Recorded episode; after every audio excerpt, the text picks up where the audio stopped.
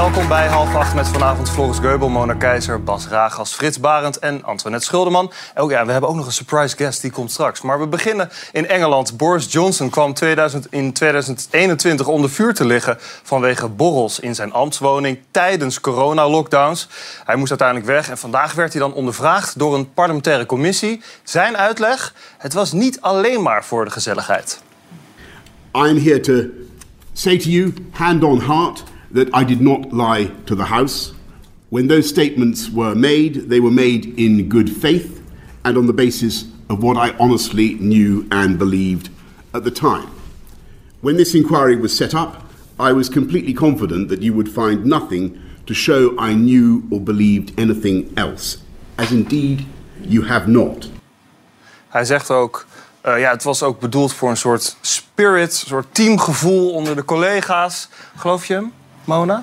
Ja, ik denk dat hij gewoon een manier uh, aan het zoeken is om zich hier uh, uit uh, te kletsen. En het is natuurlijk op zichzelf een, bizarre discussie. Is iets nou een, een, een werkborrel of een werkactiviteit? Ja. In Nederland heeft de Onderzoeksraad voor de Veiligheid de effectiviteit van alle maatregelen beoordeeld. Nou, dat was niet glorieus effectief allemaal. Dus daar zou het eigenlijk over moeten gaan. Ja. Je hem eigenlijk, Bas? Best wel een karakter. Ja, een mooie Pieper de Clown. Ja, ik vond het altijd wel een mooi vent, ja. ja. En hij was minder gevaarlijk dan Donald Trump. Die heb ik ook eigenlijk mijn hele leven wel gevolgd uh, vanaf eind jaren tachtig. En dat vond ik ook altijd wel een leuke Pieper de Clown. Maar toen werd hij president, werd het minder leuk. Maar ja, ik vind het wel... Ja, het is natuurlijk echt gewoon een karakter die gewoon bij in, in, een film met Hugh Grant hoort. Dus, ja.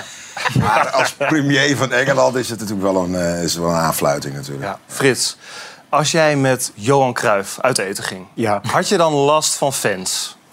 Uh, ik wel, hij niet. nee, uh, dat viel ontzettend mee.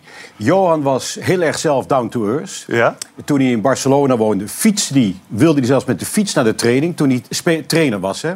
Als speler heeft hij natuurlijk die nare overval meegemaakt. In de 77 is hij overvallen een keer. Heeft hij gekneveld gezeten. En dat is natuurlijk verschrikkelijk geweest.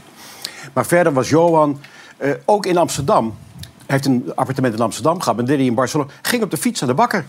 En als er iemand langskwam die zei, uh, bent u Kruif? En dan zei hij wel meestal ja. ja. En dan had hand tegen en fietsen die verder. Nee, Johan was heel down to earth, gedroeg zo... en kon in Barcelona normaal over straat. Ja, beelden zijn er namelijk opgedoken van Lionel Messi. Die ja. is weer terug op Argentijnse bodem sinds hij ja, wereldkampioen is geworden. Hij ging uh, gisteravond even uit eten. En dan is dit het beeld. Duizenden, het, het waren duizenden fans die dan voor de deur bij het restaurant stonden, paparazzi erbij.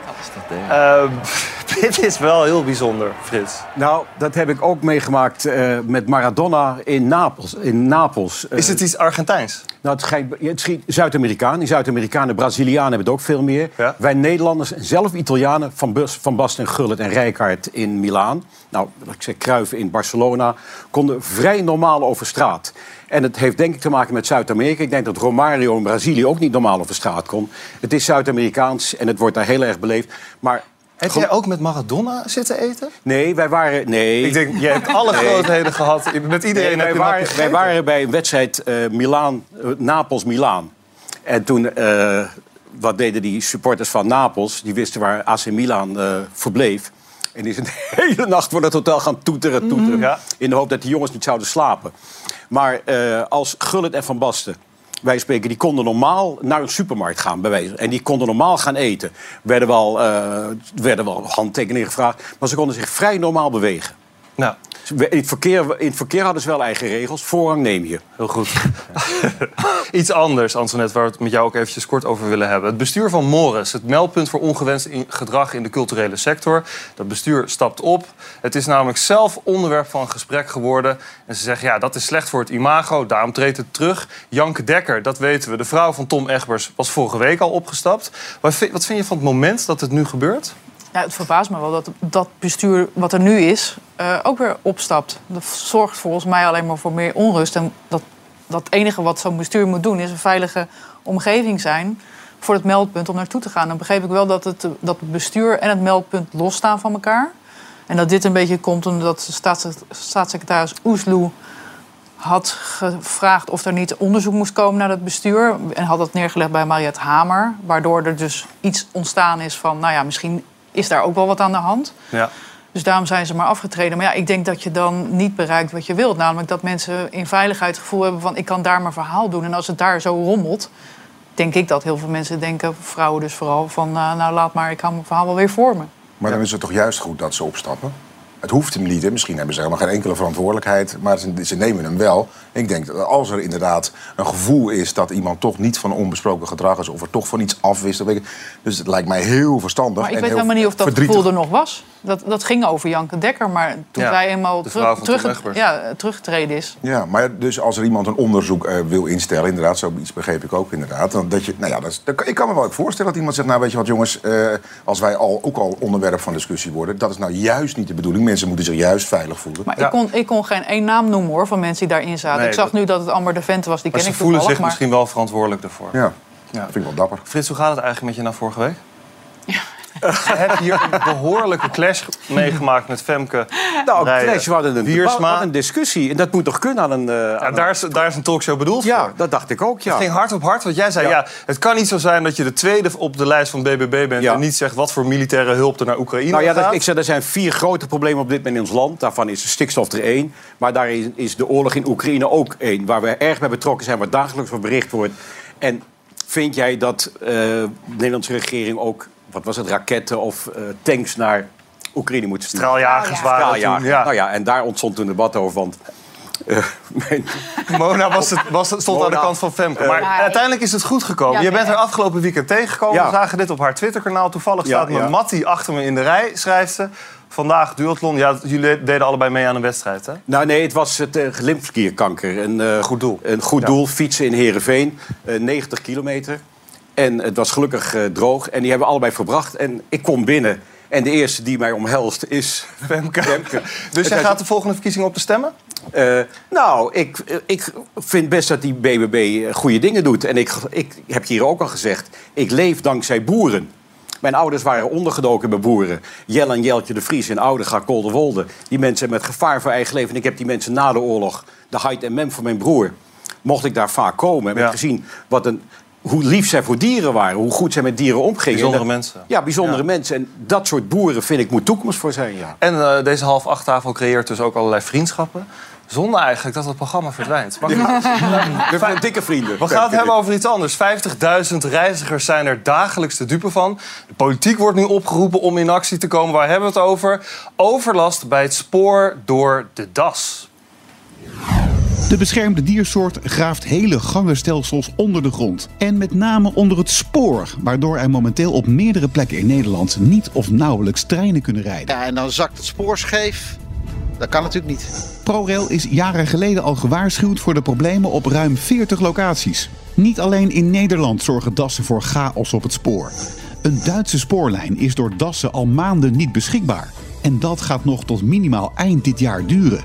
Dat belooft niet veel goeds voor Nederland. Wie is belangrijker, de das of de reiziger? Mona, zeg het maar. Wie is het belangrijk?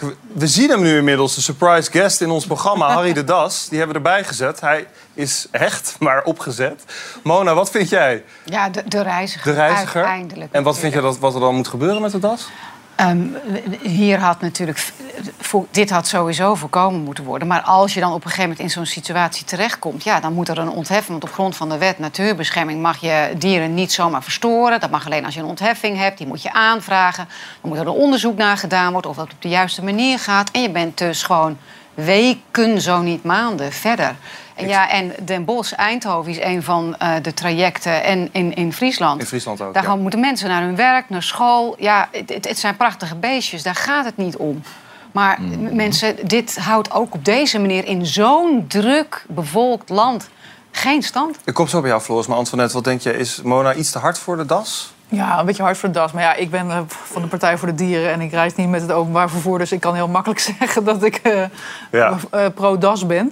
ben. Dan maar het- ik ook, hè? Daar Ja, ja, gaat ik begrijp wat je om. bedoelt. Er moet een natuurlijk een oplossing. En nu kunnen mensen met een bus, maar ik begrijp ook dat dat niet houdbaar is. Dus er moet iets verzonnen worden. Maar dat hadden ze beter eerder kunnen, mee kunnen beginnen. Maar ja, ik vind wel we, we hebben al te maken met zoveel eh, gebrek aan eh, biodiversiteit. Dus om dan ook nog zo'n beestje te laten verdwijnen. Maar ja, er komt vast een oplossing. Maar verdwijnen, de vraag is in dit soort discussies wel... waar komen ze nog meer voor in, in Europa? Want wij willen hier die biodiversiteit op, op die postzegel... waar we met z'n 18 miljoen wonen.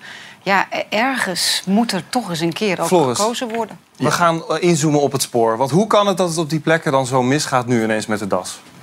Ja, het gaat eigenlijk mis omdat die dassen in burchten leven. En burchten zijn eigenlijk een soort van gigantische villa's onder de grond. Ja. Maar dan ook echt heel groot. Ze maken het een beetje in de diepte.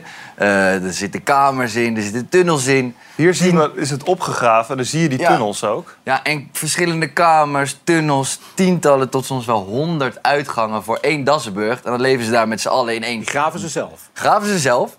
En dan, daar leven ze daar als familie erin. Maar daar leven ook soms vossen in, want vossen kunnen niet zo goed graven. Konijnen erin, dat vinden ze allemaal helemaal prima. Dus ook daarvoor zijn ze in die zin goed. Eh, maar ze houden een beetje van heuvelachtige gebiedjes. Ze willen niet zo diep dicht bij het grondwater zitten om een natte kont te krijgen. En ja, laat nou net die, eh, Het spoor dat spoor loopt over een heuveltje. een topheuveltje zijn om Ja. jouw villa in te bouwen. We hebben er hier eentje. Ze zijn wel groter. Eh, ik had niet verwacht dat een das zo groot zou zijn eigenlijk. Nee, het is een prachtig diertje. En het is ook een van Nederlands eh, grootste landroofdiertjes. En eh, ja, dat kan je ook zien. Ze, ze eet eigenlijk ook voor alles. Het zijn de... Hij zit zo benauwd te kijken. Hij leeft niet meer, hoor, meneer. Hij doet niks. Hij gaat niks doen. Maar Je moet zeggen, hij ruikt ook een beetje muffig, hè, meneer? Er zit een meneer hier nu op de eerste rij. Hij heeft een beetje een rood aangelopen hoofd gekregen. En kijkt, eh, kijkt een beetje zenuwachtig, maar hij, hij leeft echt niet meer, hoor, meneer. U heeft, u, heeft, u heeft er echt geen zorgen te maken. Wat maakt het dat die das zo goed kan graven? Ja, hij heeft fantastische klauwtjes, als- zoals je kijkt. En eh, voor die klauwtjes, eh, ja, die kan hij gebruiken om te graven. Maar die kan hij ook gebruiken om een pets mee uit te delen. Dat is ook best wel geinig. Eh, die vossen die leven ook dus in die burchten. Ja. En die vossen zijn best wel sloddervossen. Daar komt ook de uitspraak vandaan. Als die sloddervossen er echt een bende van maakt... hij poept buiten, maar die vossen doen dat daar... dan kan hij er ook zomaar een pets mee geven. Maar daar komt die uitdrukking vandaan, sloddervossen. Daar komt de sloddervos vandaan, ja. Frits, we hebben, straks gaan we het nog hebben over de crisis bij het CDA. Maar dit is misschien wel een onderwerp wat het kabinet de das om kan doen, toch? Die moest je even maken. Maar wat ik me dus Maar, afvraag... maar ik vind waarom... het idee dat er een villa's zijn onder, Onder de grond... Ja. met vossen en konijnen Ja. en dassen. Nu vind ik al helemaal dat ze met rust gelaten Ja. Maar je kan toch... Waarom, waarom, zijn ze beschermd, Floris? Eh, nou ja, het is allemaal hartstikke leuk, maar we zijn ze op een gegeven moment in 1980 bijna kwijtgeraakt. We gingen ze opeten, we dachten dat hun vet eh, eh, zogenaamd helende werking lekker? zou hebben. Ja, we, ze waren gewoon onder de duizend. En eh, toen hebben we ze op een gegeven moment beschermd. We hadden ze in 1950 al de das beschermd, maar nog niet hun gebied en hun holen. Het ging toen alsnog achteruit. Daarom is het ook goed dat we er nu even op letten. Toen in 1980 zijn we dat allemaal gaan beschermen. En nu zijn we ze weer gelukkig een beetje terug gaan krijgen. En we hebben rond de 6000 dassen. Dat is nog lang niet wat we hadden in 1900. Toen hadden we er 12.000 plus. Eh, maar ja, het gaat dus nu een beetje ja, wel de goede kant op. Omdat we ze beschermd hebben. En ze zijn ook super belangrijk om hier En ze leven op best wel veel plekken. We hebben er een kaartje daar ook van. Er zijn dus in Friesland en in eh, Brabant op dit moment problemen op het spoor. Maar hier zie je eigenlijk het globale leefgebied. Dat, dat, dat zijn die rode vlekken op de, op de kaart eigenlijk. En ja, best wel verspreid door het land. Ehm, wat, kun je, wat kun je nou doen tegen de das? Wat kan ProRail doen? Want er wordt nu heel erg gekeken naar ProRail. Die moet Ja. ervoor zorgen dat het veilig is. Wat kunnen ze doen om het veilig te maken? Nou ja, het is dus een beschermde diersoort, dus je kan ze nu niet zomaar gaan verstoren. Je kan ze ook niet zomaar eruit halen. Daarnaast hebben die dassen ook zojuist in februari kleintjes gekregen. Die zitten nu allemaal twee maanden lang nog in die holen. Dus eh, ja, die zitten daar gewoon. Dus de enige manier hoe je die er op dit moment nu uit kan krijgen... is door gewoon een betere plek te gaan creëren daarnaast. Dus dat zijn ze nu ook aan het proberen met eh, ja, een soort surrogaatburgten. Dus die zijn een burcht aan het nabouwen. En, en dat is ook heel simpel. Die houdt in feite ook niet echt van die treinen die er overheen rijden. hè. Ik bedoel, dit is ook natuurlijk een reactie ook op het feit dat wij steeds meer wegen aan het maken zijn. Ze hebben steeds minder plek. Ja? Nou goed, als jij een lekkerdere plek gaat maken in de buurt en je gaat ze daarheen lokken en je zorgt ervoor dat dat gewoon top is, dan zitten zij daar liever dan met die trein bovenop hun hoofd. Mona denkt afschieten. Nee, dat denk ik helemaal niet. Nee, Oh, dat nee dat is veel te kort door de bocht. Maar ik, vind, Sorry. ik, weet je, ik denk wel bij mezelf... In ne- nee, alsjeblieft zeg. Maar in 1900 hadden we er 12.000. Maar toen hadden we ook eh, 10 miljoen mensen. Dus ja, weet je, something's got to give, Ja. zeggen ze altijd zo Ja, in maar het Engels. kijk, weet je wat het is? Je denkt alleen een das, hè? Maar zo werkt het dus niet in de natuur. In de natuur werkt alles samen en het is een beetje een domino-effect. Als je die das niet meer hebt, Die eten hele kleine zoogdiertjes, kleine insecten. Stel die das is weg, gaan die insecten groter worden. Die eten de gewassen op. De diertjes die daarvan leven gaan dan weer dood. Dus dat tikt zo door en door. Dus het is niet één diertje waar we het over hebben. We Nee, hebben het over een veel groter Ik weet, iets. eh, als je naar, de, naar de, de lijsten kijkt van beschermde dieren... op grond van de habitatrichtlijn en de vogelrichtlijn... dat zijn er natuurlijk veel meer. En dat zijn ook wel ecosystemen. Dat snap ik, dat weet ik. En het is niet zo dat ik denk van, nou, knal neer. Absoluut niet. Maar Toch tegelijkertijd denk ik wel bij mezelf... jongens, dit houdt op deze manier gewoon geen stand. Wat gaan we nou zeggen tegen alle mensen in Den Bosch... die in Eindhoven ze werken? met de bus moeten. U bent in september weer eens aan de beurt. Of in, Hey, het of punt is- Het opvallende is wel dat er is een dassenvereniging die heeft tegen ProRail gezegd in 2011 al... jongens, jullie moeten opletten, want die dassen dat worden er steeds meer... en die gaan onder het spoor zitten. Dus we hebben vandaag ook even een reactie gevraagd bij ProRail. We zouden het eigenlijk wel fijn vinden als ze hier aan de bar zouden komen zitten. Maar hadden ze toch geen zin in. Ze zeggen, we zijn inderdaad gewaarschuwd... en dat we daar, ze geven ook toe dat we daarin dingen te leren hebben. Dat zien we in. De das is gewoon een behoorlijk nieuw fenomeen. En ja, duurzame oplossingen vinden, dat kost tijd. Bas, kom jij zo wel eens tegen die dassen? Nou ja, ik vraag me af waarom je ze niet kan vangen. Want ik snap heel goed dat mensen toch met die trein willen. Waarom vang je ze niet? Waarom doe je niet een ontheffing? Ja, ze, zijn nu ook, ze krijgen nu kleintjes. Als je ze dan vangt, en die kleintjes die blijven dan in de grond, die overleven niet meer. Ja, maar ja, moet je dan Duitsers... Ik ben enorm van de natuur. Maar ik denk dan, ja, vang zo'n beest en zet hem in de Veluwe, op de Veluwe uit. Want daar leven ze ook blijkbaar. Ja. Toch? Ja, nee, ik begrijp wel wat je Nu zegt. is het dan lastig, en, en, inderdaad. ik zeg das, ik, ik vind het natuurlijk ook verschrikkelijk dat die, die lijnen dicht liggen en zo. Maar dit moet je in eerste instantie gewoon voorkomen. Ja. Kost een hele hoop geld. Ja, daar heb je geen zin in als er een probleem is. Als er geen probleem is, maar wanneer er een probleem is, dan gaat het in één keer. Spelen. Maar goed, die dassen die moeten daar weg. Eerst proberen op, op, op deze manier, dus door ze weg te lokken. En als dat niet gaat, moeten ze inderdaad gaan kijken door ze gewoon op een humane manier weg te vangen. En dan ja, een andere plek voor te vinden. Duidelijk. En, Ze moeten maar een politieke partij oprichten, die dassen. DDD. Ja, Lau- Laurens Dassen. Laurens Dassen heeft al heel veel teweeg ja. gebracht met zijn partijvolk. Dankjewel in ieder geval voor deze uitleg, Floris. Mona, eh, Ja. ik ben wel een beetje teleurgesteld in je gisteren. Och, lieverd, vertel. Er waren gisteren twee speurtochten in Politiek Den Haag. Ja. De eerste was, waar luncht Caroline van der Plas met Mark Rutte? Er is niemand achtergekomen. De tweede was, waar is het crisisberaad van het CDA? En ik kwam jou daar tegen. Ik denk, jij gaat mij helpen aan die plek. Ja, en ik was zo blij dat ik het niet wist. Want als je het namelijk Je weet, deed dan ook heb geen je... poging om erachter Nee, te want dan heb je vervolgens twee keuzes. Of ik moet jou teleurstellen eh, door te zeggen... ja, ik weet het wel, maar ik zeg het niet. Of ik moet jokken. Ja, dat wil ik ook niet. Nee, toch blij dat je er bent. Want we gaan het hebben over de crisis bij het CDA.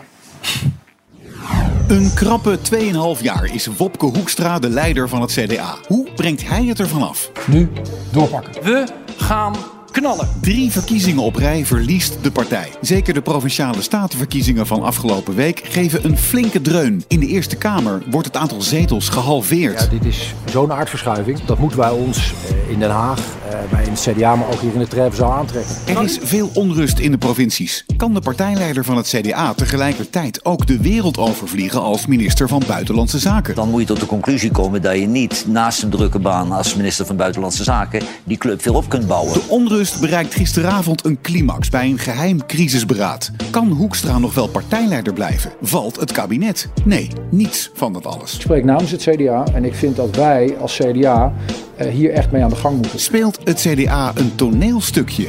Ja, Mona, ik wil met jou onderzoeken wat er nou precies is gebeurd de afgelopen dagen. Wat we zien op tv en wat er achter de schermen gebeurt. Jij zei gisteren al, dit loopt met een sisser af. Ja, Hoe wist je dat? eh, Dat het crisisberaad met een sisser af zou lopen? Omdat, weet je, als je, als je, je, je kijkt, hè, op een gegeven moment heb je zo'n eh, uitslag van de verkiezingen. En dan eh, eh, fi- fixeert eh, de aandacht zich op het CDA. Wat op zichzelf al bijzonder is. Want de VVD en D66 en de PVV zijn gehalveerd ten opzichte van de Tweede Kamerverkiezingen van twee jaar geleden.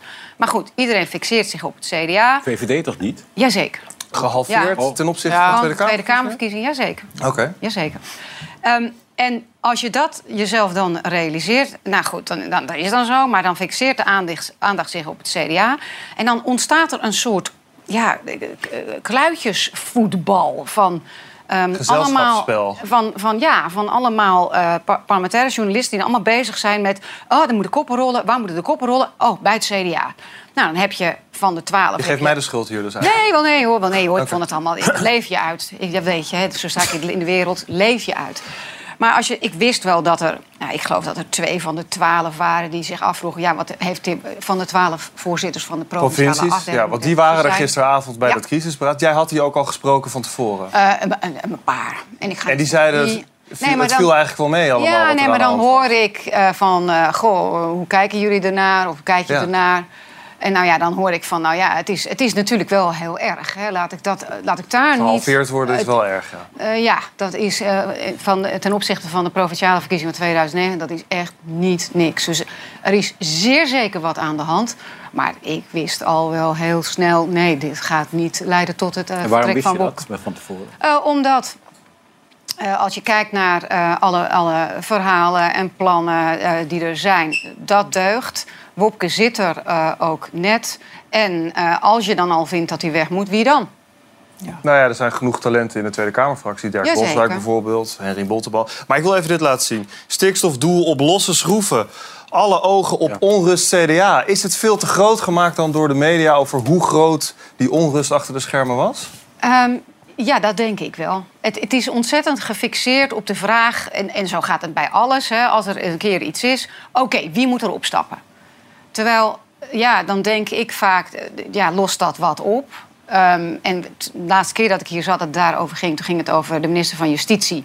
Naar aanleiding van het rapport over de drie eh, doden vanwege de georganiseerde criminaliteit, waaronder eh, de, de, de, de advocaat en de kroongetuigen. Toen heb ik ook gezegd van ja, A, wat lost het op? Maar het komt daar dan, vind ik erop aan. Vind je zelf dat je ehm, verantwoordelijk bent ehm, voor, voor iets eh, wat gebeurd eh, is? En ligt dat dan... Oh, en, en, en als minister heb je dan ook nog een staatsrechtelijke verantwoordelijkheid. Hier gaat het over de leider van een partij... ehm, die ja, wel te maken heeft met een hele negatieve uitkomst.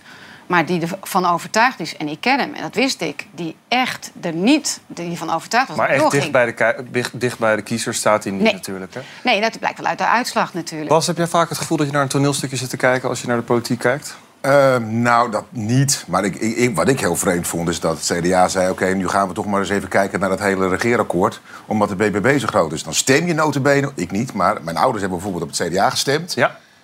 En dan, dan verliezen ze en dan zeggen ze... oké, nu gaan we maar een beetje meer richting de BBB. Op zich willen ze gehoor geven aan de verkiezingsuitslag. Nou ja, dat Zeggen ze, ja, dit, dit Ja, dat kunnen we niet gewoon komt- voorbij dat merk laten je- gaan. Nou ja, dat, dat merk je natuurlijk wel. Dat het kabinet zich eh, moet verdedigen straks eh, ook in de Eerste Kamer. Waar natuurlijk gewoon de overgrote meerderheid dan van BBB is. Dat merk je dan wel politiek. Maar om dan als CDA te zeggen, oké, daar gaan we naar luisteren. Dan gaan we toch een beetje... Dat vind, vond ik een hele rare, hele rare politieke boodschap eigenlijk. Frits, heb jij wel eens op het CDA gestemd?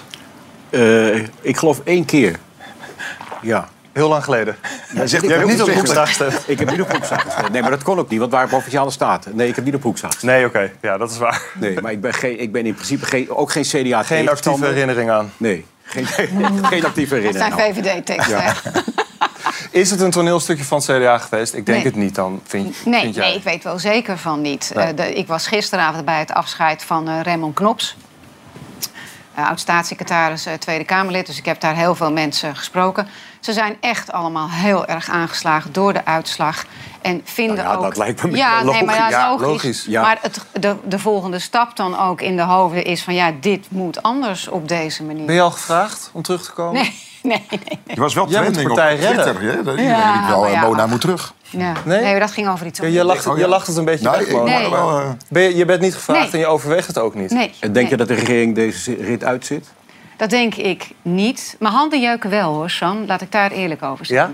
Ik, eh, de- Je voor gaat je eerst... aansluiten bij BBB? Nee, Of nee. bij Omtzigt? Nee, nee want voor het eerst had ik wel weer eh, sinds september 21 van dat mijn handen jeuken. Ja. Maar tegelijkertijd denk ik, ja jongens, eh, ik heb dat gedaan tien jaar lang. En het is nu echt een Mag, andere. wie trekt de stekker eruit uit deze regering? Want je zegt, de re- Ik denk dat uiteindelijk, maakt niet uit op welk dossier, de conclusie is dat eh, de politieke werkelijkheid veranderd is. Want ook in de, ehm, in de Eerste Kamer eh, krijgen ze gewoon ehm, massieve weerstand op een aantal dossiers. Ehm, maar als het bijvoorbeeld over stikstof gaat, gaat de provincie het gewoon niet doen. Nou ja, en de hele discussie 2030, 2035. Maar hè, wie dat- trekt de stekker er dan uit? ja, dat ligt er maar dus aan, net aan hoe het loopt. Kijk, Jullie je hebt niet.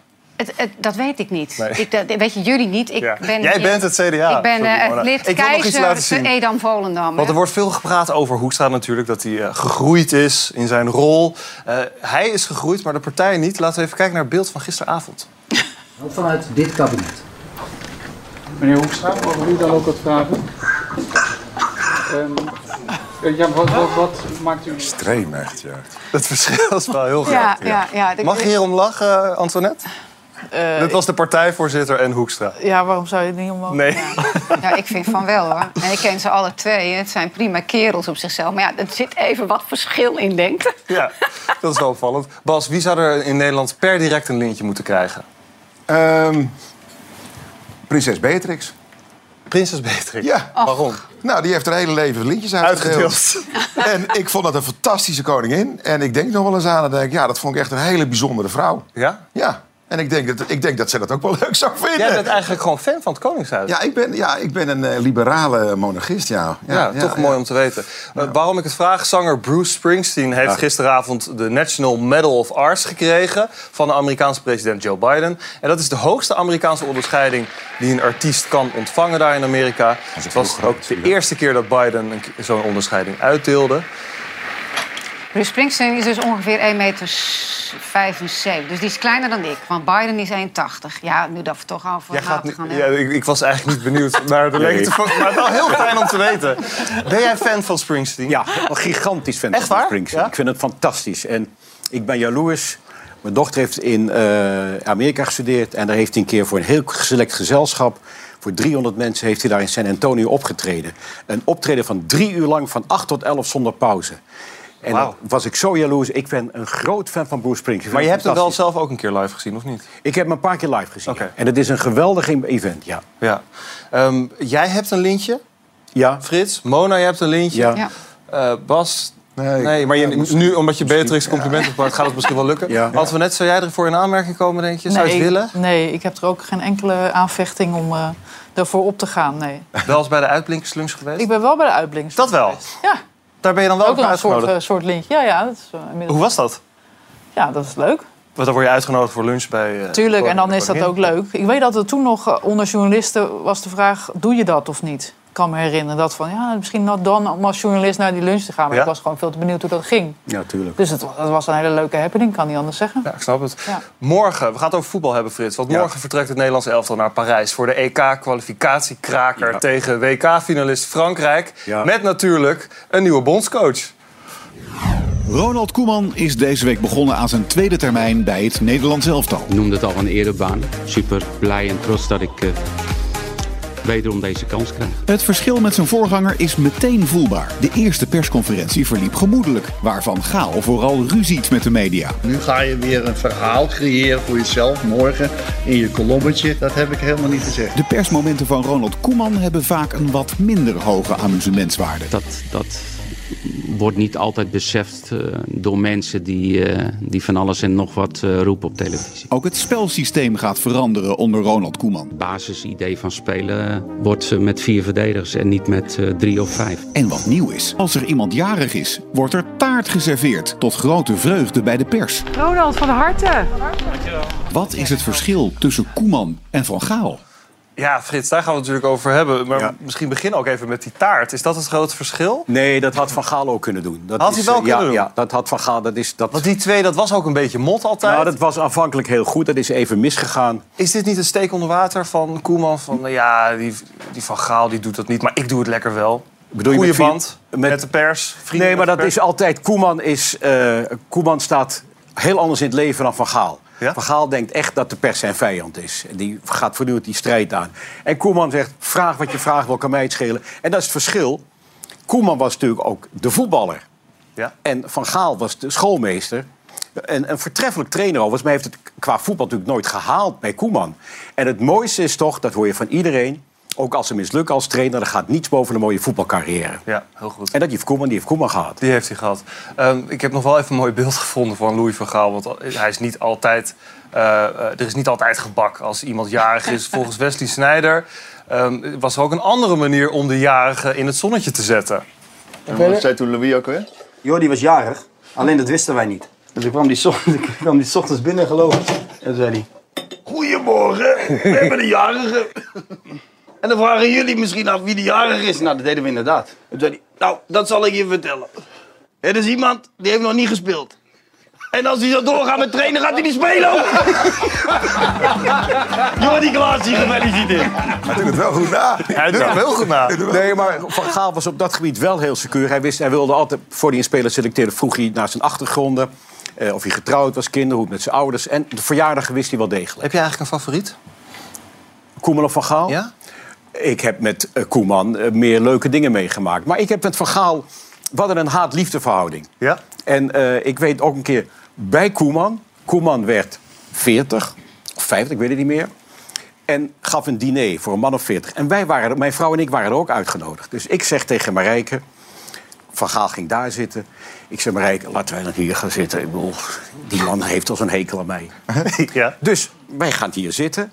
30 seconden later ik heb ge... wordt er op Marijke de schouder geklopt. Bent u mevrouw Barend? Ja, zegt Marijke, dat ben ik. Ik ben Louis van Gaal. Mag ik naast u komen zitten bij het diner? Nou. Dus Marijke zegt, ja, natuurlijk. De eerste vraag aan hem was... Hoe houdt u het vol met die man? En toen zei Marijke, hebt u dat wel eens uw eigen vrouw gevraagd? en toen hebben ze een enige avond gehad. Maar ik had toen nog mijn dagelijks programma met Henk van der Baard en van Dorp. Dus ik moest op een gegeven moment... En ik had dus een taxi geregeld met Marijke. Dus Marijke ging om kwart voor de negen uur ook met mij mee. Toen zegt hij, waar gaat u naartoe? Of hij of u? Toen zei ik, ja, ik ga met Frits mee naar huis. Want Frits, of ik ga met Frits en Frits gaat dan naar de studio. Ik breng jouw vrouw naar huis.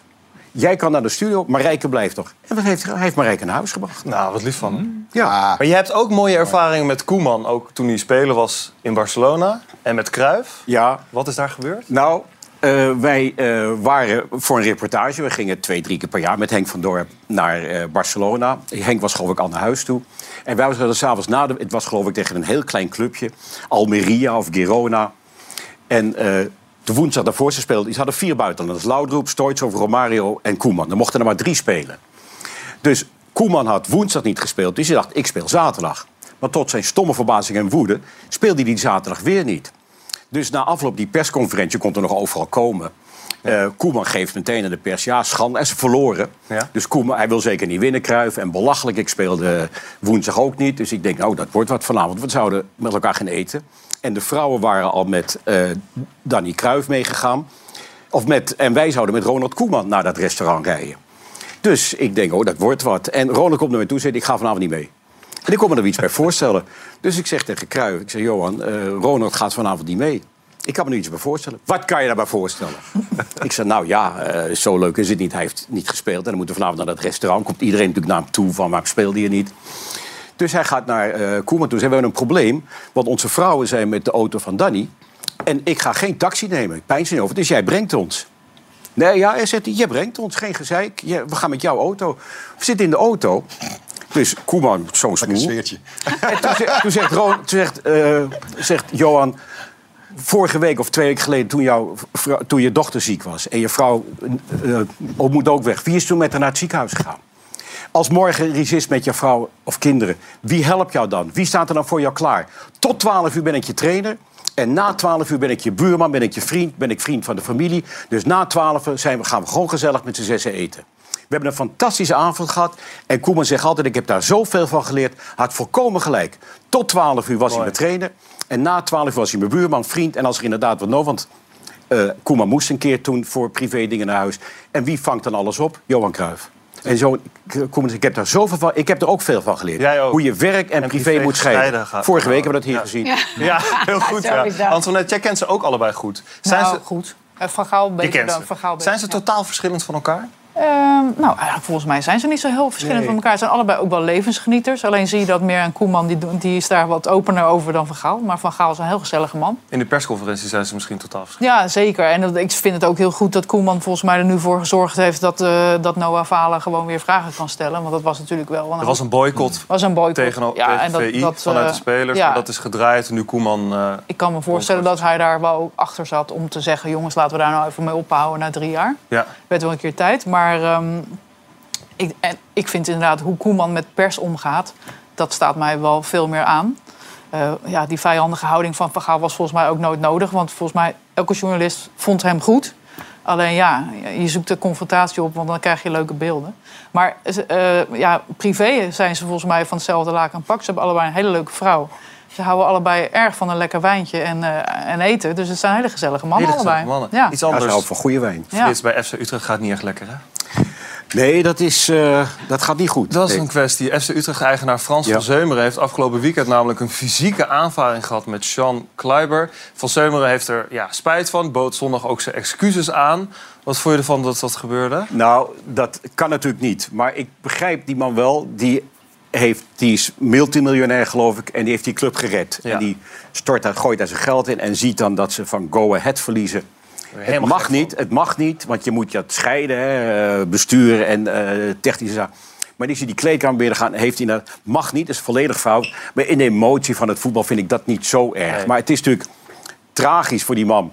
Tuurlijk. Je stopt daar miljoenen in en dan is Utrecht. 40 dat- miljoen heeft hij erin. Ja, Ja. ons alle twee, wat, wat is er gebeurd? gebeurd? Wat heeft hij gezegd? Hij, is, hij heeft blijkbaar met die Ja, Kleiber... geen idee. Hij heeft die Kleiber... Er is geduw en getrokken achter de schermen in de kleedkamer. iets, eh, maar waarom ik het eigenlijk ook heel graag met jou erover wilde hebben... is Ja. zodat we andere voorbeelden kunnen laten zien in de, vanuit het buitenland...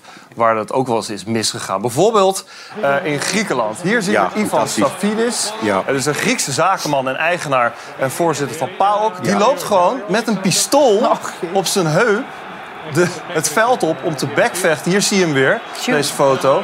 Eh, die was niet eens met hoe het daar ging. Met een pistool het veld op. Kan ook. Nee, nou ja, ik heb wel meer. Ik bedoel, Ruud Gullit heeft bij eh Dirk Grossi gewerkt. Dat ga je nu vertellen over Ruud Nee, nee, die, die, Nou, Tsjetsjenië daar- was dat daar was die, Ja. eh, die, hoe heet die man ook weer, die, eh, ja, waar die, de ja, god. die eh, daar zit daar rechts, dat is dan de president. Ja, dat was een dictator, dat wil je niet weten. En als Ruud Ja. verloor, Kadirov? ja, Kadirov, ja. Ja. Kadirov. En daar heeft, die heeft daar echt wel rare dingen meegemaakt. Ja, met, sorry, eigen schuld, dikke bult. Als je dat voor dat soort regimes gaat spelen, dan, eh, dan kan je het krijgen. Ik vind Gullit een held, maar dit is, je gaat toch niet voor zo'n lands voetballen? Kadirov. Laat ik dan dit zeggen, is echt- waar, hij is niet voor zijn daar naartoe gegaan. Nee. Begrijp je eh, dan waarom je daar naartoe gegaan? voor het geld. Ik heb nog een klassiekertje meegenomen. Jeetje. Nou, Nee, Ja, ja, ja. ja. is dit joh? ja. Waarschijnlijk ook deze. nou. Ja, dit is dus een amateurclub in Turkije. Ja, ja. Bas, Ja. hoeveel huisdieren heb jij? Eh, een hond, een kat, kippen en dingen, ja. Ja, je moet nu een aantal noemen. Kinderen. Zes, zeven, zoiets, acht? ja. Ja, zoiets. Er zijn namelijk een hoop mensen die zeggen... ja, als een huisdier van je overlijdt... zou je misschien wel vrije dagen moeten krijgen. Daar gaan we het ook met Antoinette zo meteen over hebben. Tot zometeen.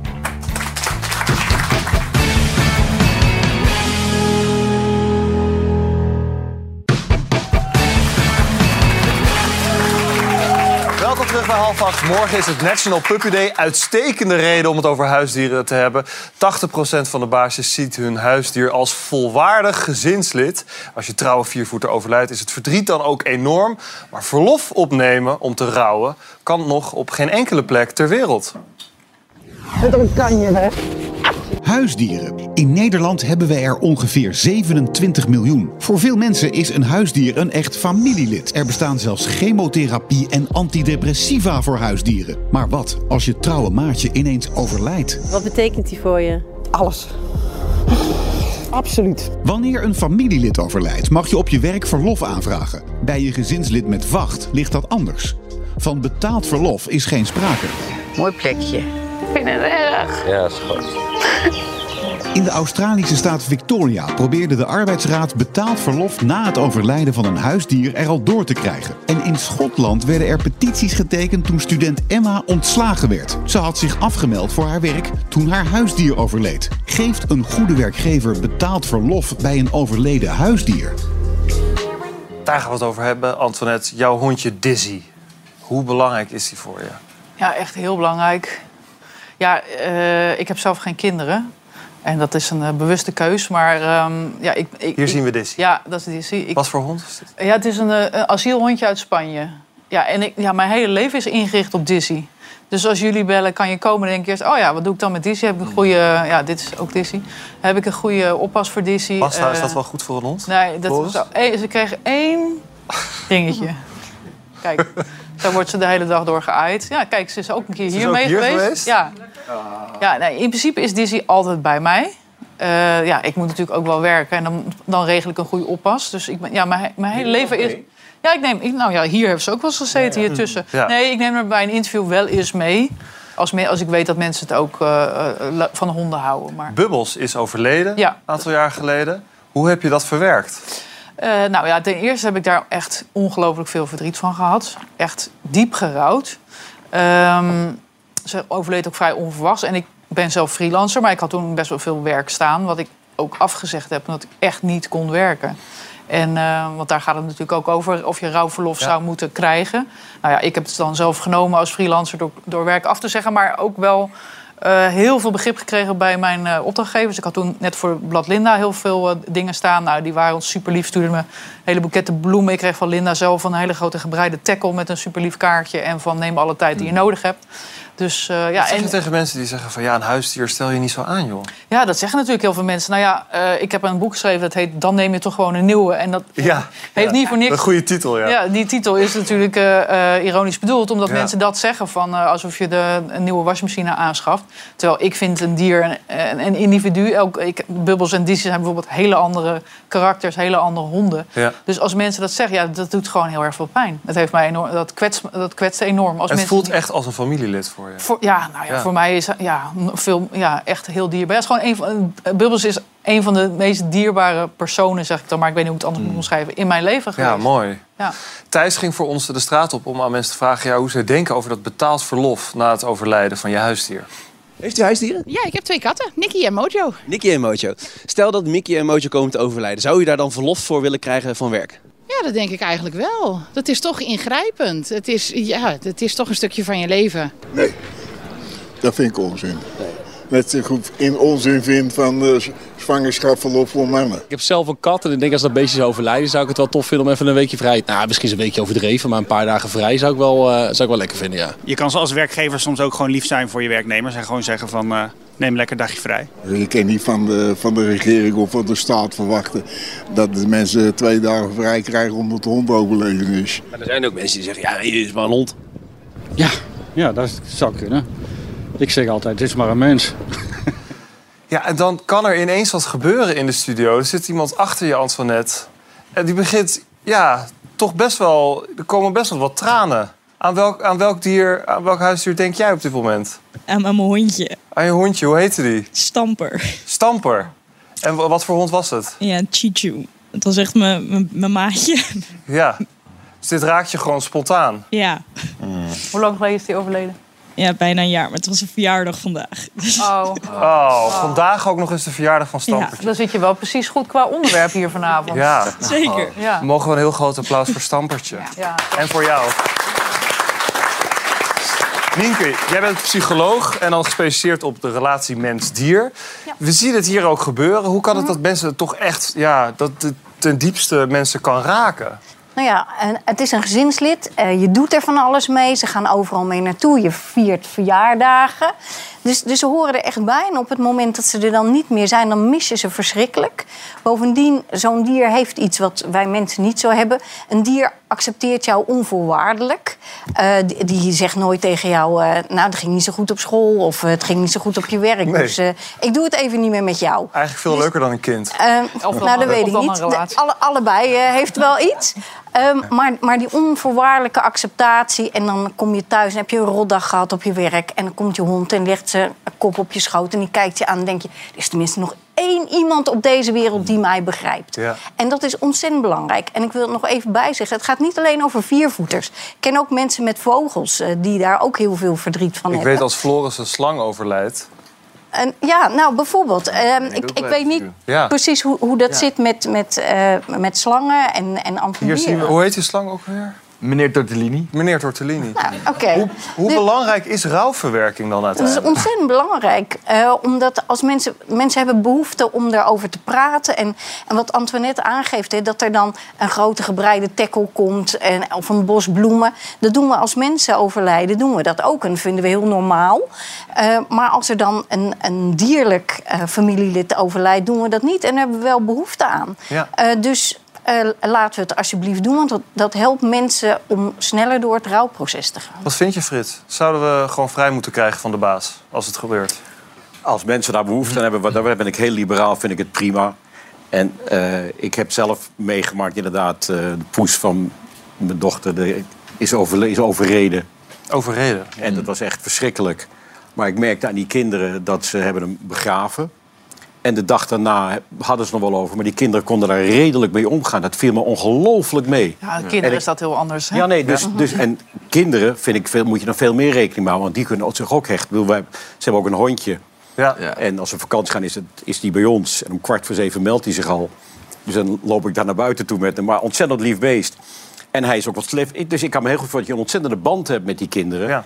Of met die, met die beesten. Met kinderen kun je je niet voorstellen. met, die, met die beesten. Maar ik heb ook gemerkt dat kinderen daar vrij makkelijk...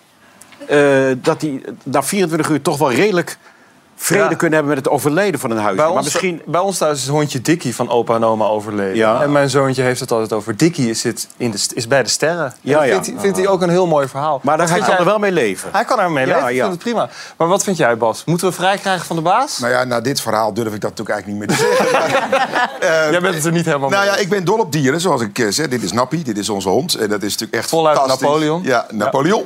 Ah, nee. En dan komt hij, en dat is een wijs vrolijk beest. Ik ben dol op dieren. En, maar wie ben ik om mensen iets te ontzeggen die zo intens over een dier voelen? Dat zou de laatste zijn. Jij Maar zei ik- voor deze uitzending, ik ik vind het echt belachelijk dat je Nou, wacht even, wacht even. Ik, ik, Ja. Ik- Heb jij net haar verhaal gehoord? Denk je, ik ben al zo vaak zo ongenuanceerd. Nee, dus ik, ik, ik, ik, ik, ik leid het wat vriendelijk in. ben het gewend. Maar, ja. Nee, nee, nee. Maar ik, ik vind als iemand zo echt emotioneel over een dier is... wie ben ik dan om te zeggen, joh, dat is belachelijk? Ja. Ik denk alleen dat we in Nederland wel een beetje op moeten houden... op, op moeten passen, dat we alles maar in regels doen. En ik zou, ik zou een, goed wer- een goede werkgever geeft iemand wel vrij. Floris, ik. heb jij nog een tip voor de mevrouw in het publiek? Ja, gewoon, ik denk dat het, eh, ja, tenminste wat voor mij heel goed werkt, is om gewoon met de mensen te praten die je heel goed begrijpen, zoals je familie. Want heel veel andere mensen, of die niet van dieren houden, die, die begrijpen dat niet. Die zeggen, ja, zoals jij zegt, het is maar een dier. Terwijl die familie die voert dat, die, die kennen bijna de stem van die hond. Dus ja, daar kan je mee praten. Je hoort het vaak, hè, dit soort verhalen. ook. Ja. Van mensen die echt rouwen hierop. Ja. Dankjewel allemaal voor jullie verhaal. Sterkte. We herdenken Stampertje vanavond nog eventjes. Morgen ben ik hier weer. Dan met Helene van Rooyen, Roderick Velo en Steven Brunswijk. Dat wordt lachen. Dankjewel voor het kijken. Fijne avond.